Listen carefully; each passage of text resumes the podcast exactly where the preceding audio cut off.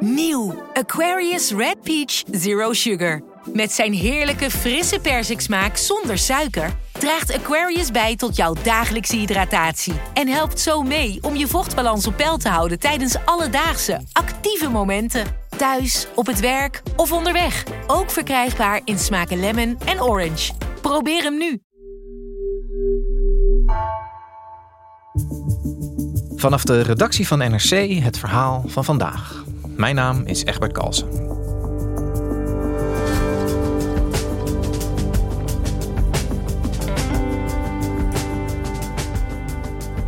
Sinds drie maanden zendt de nieuwe omroep Ongehoord Nederland uit bij de NPO. En al vanaf dag 1 regent het klachten. Deze week komt de ombudsman van de NPO met een oordeel over die klachten. Chef media Karel Smouter vertelt hoe Ongehoord Nederland opereert en wie er kan optreden als de omroep de regels heeft overtreden. side.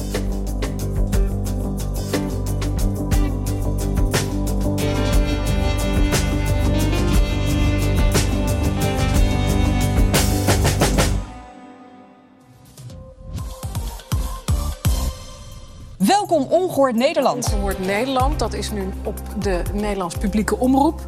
Um, daar wordt promotie voor Poetin uh, gemaakt eigenlijk. Uh, ze verbreiden nepnieuws, werd er gezegd. Ze hebben de journalistieke waarde niet zo hoog in het vaandel. Dat was allemaal kritiek vooraf. De ombudsman van de NPO is ook een onderzoek uh, gestart. Kamerleden willen dat de minister van Justitie stappen onderneemt.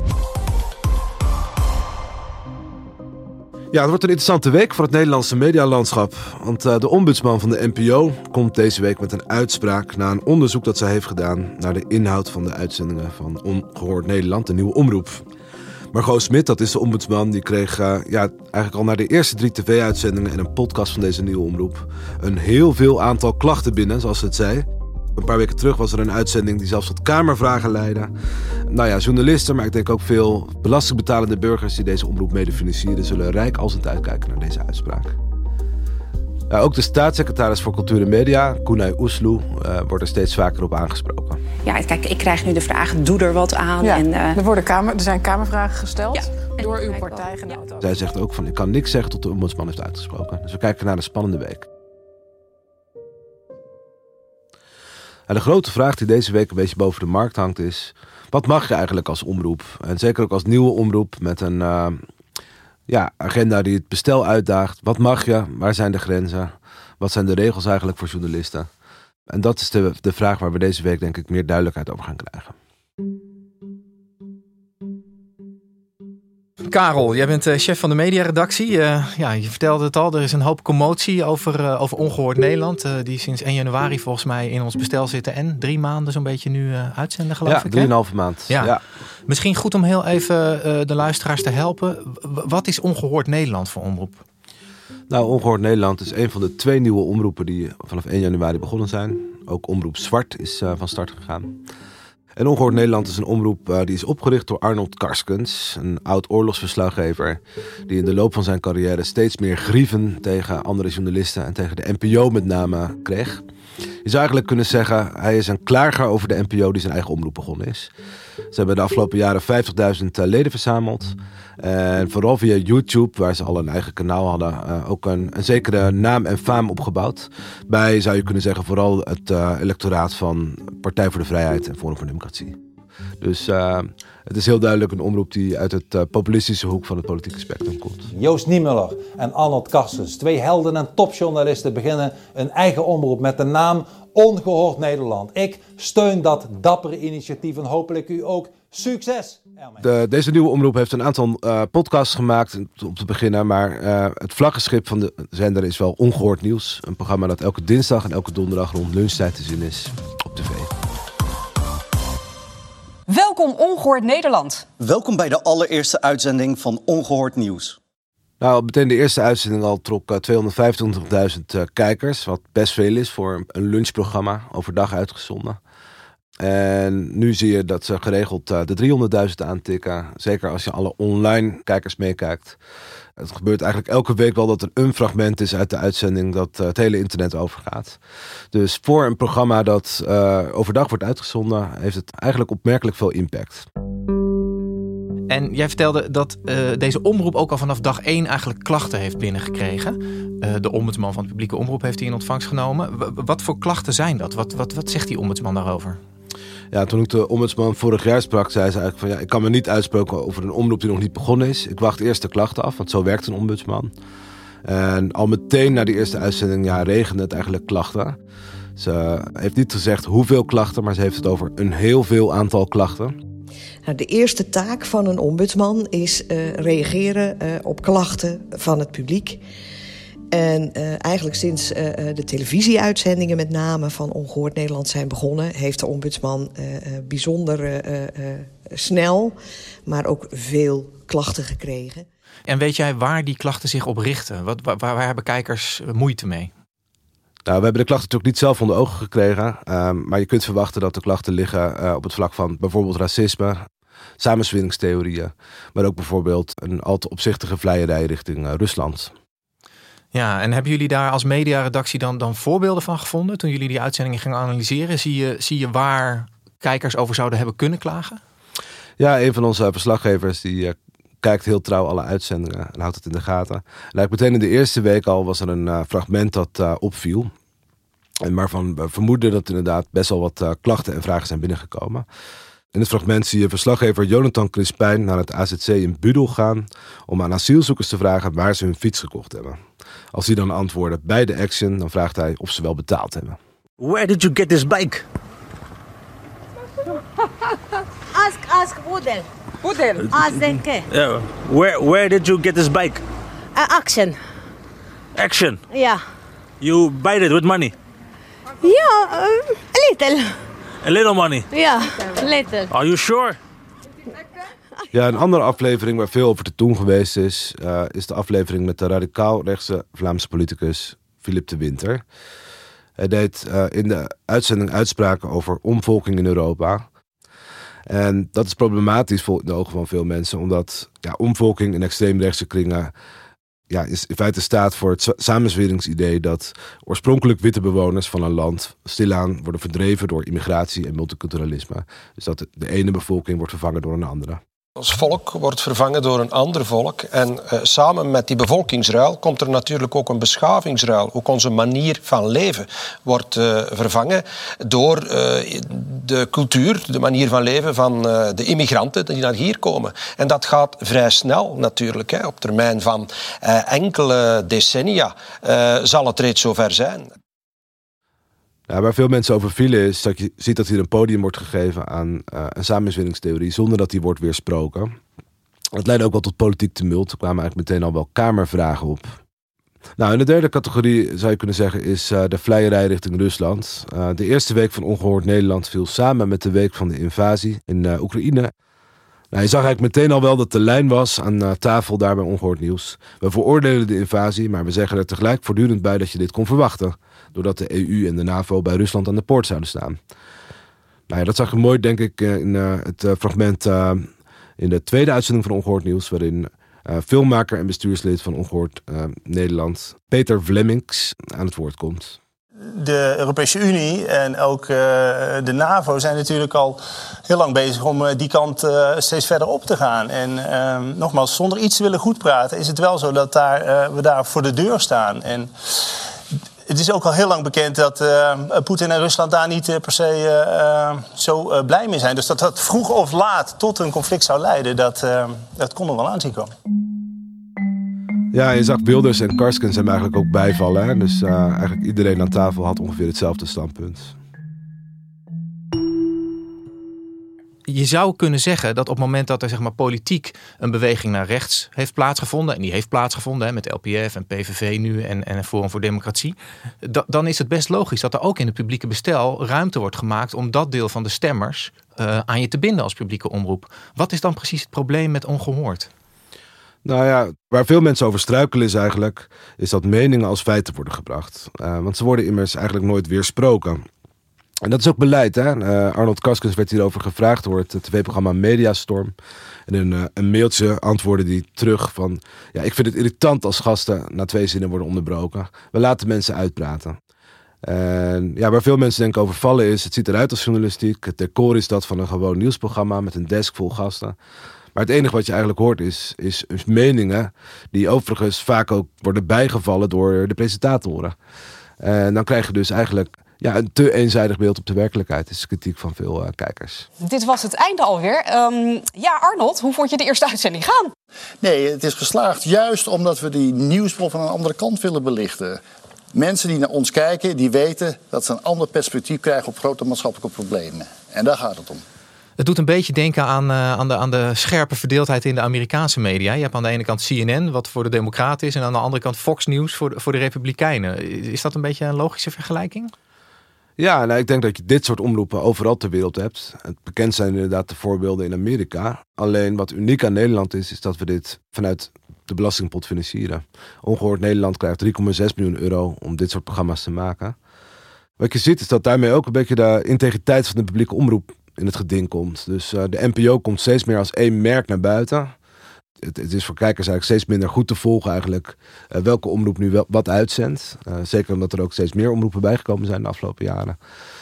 En dat is, staat uiteindelijk ook af op de, op de andere makers bij de publieke omroep. Dus je ziet dat ook onder makers best wel veel twijfel bestaat over of dit nu wel uh, bij het publieke bestel hoort. Een zender die zo nadrukkelijk ja, de journalistieke conventies en de journalistieke regels uitdaagt als het ware. En, en hoe reageert Ongehoord Nederland zelf op al die klachten en kritiek?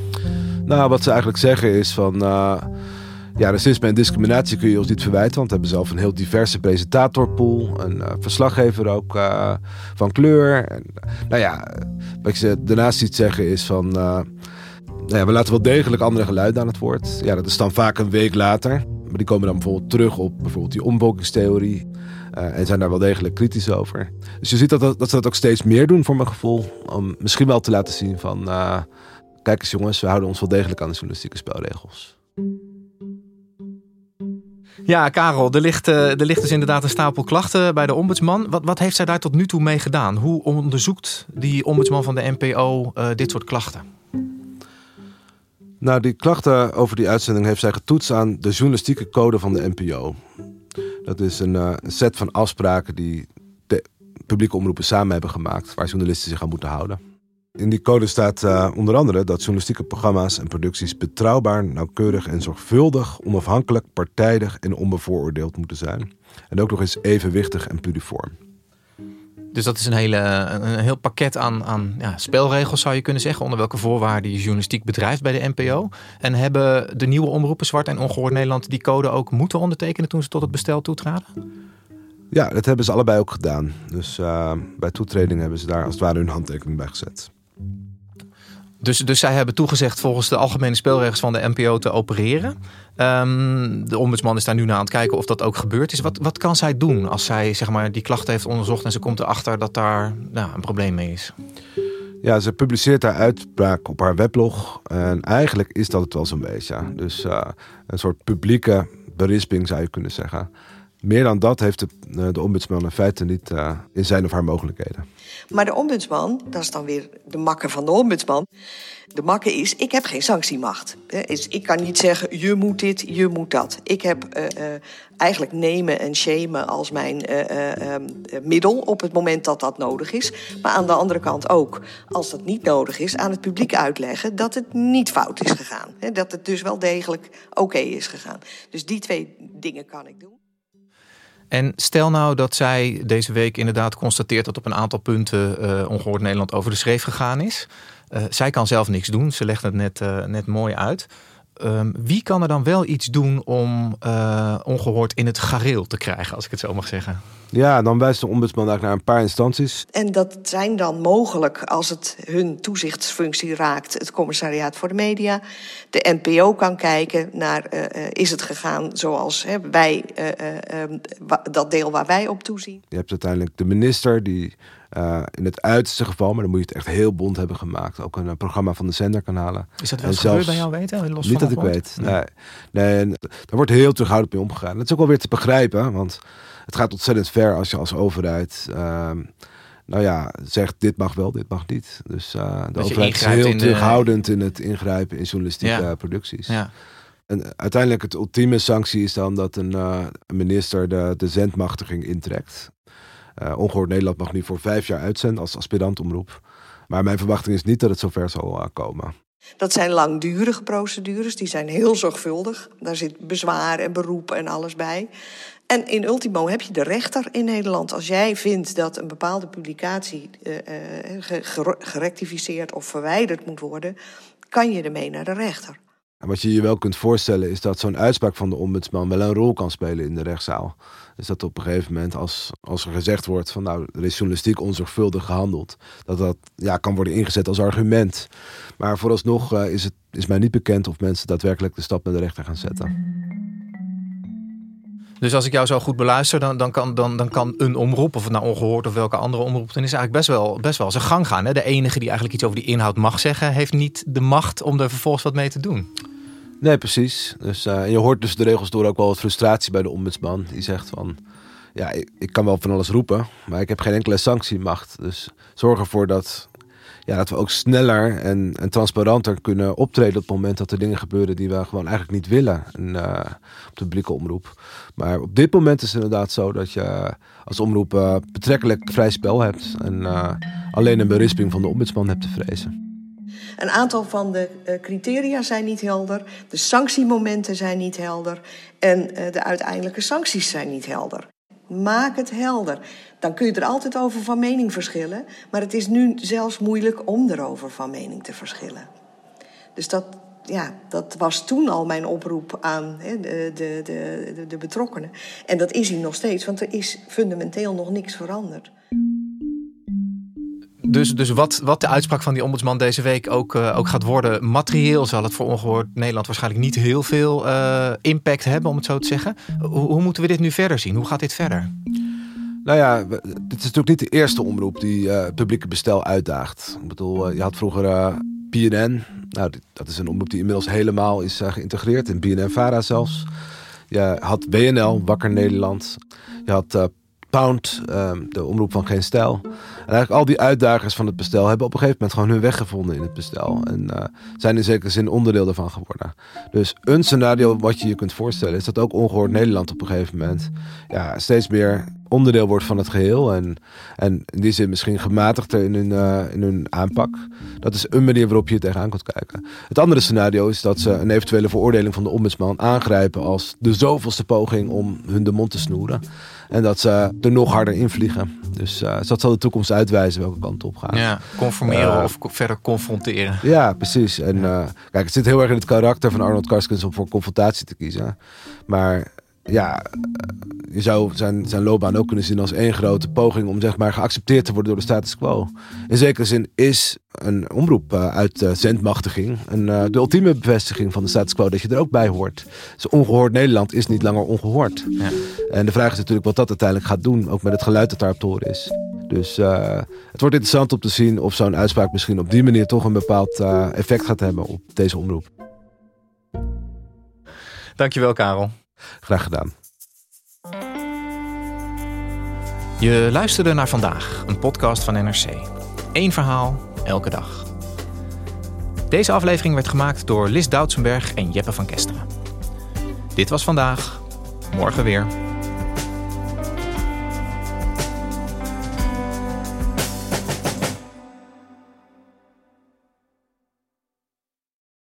Je hebt aardig wat vermogen opgebouwd. En daar zit je dan, met je ton op de bank. Wel een beetje saai, hè? Wil jij, als belegger, onderdeel zijn van het verleden of van de toekomst? Bridgefund is een slimme fintech die een brug slaat tussen de financiële behoeften van ondernemers en van beleggers. Dus wie belegt bij Bridgefund krijgt niet alleen een mooie vaste rente, maar brengt ook ondernemers in beweging. Echt waar, met die ton kan je zoveel betere dingen doen. Bridgefund. Make money smile.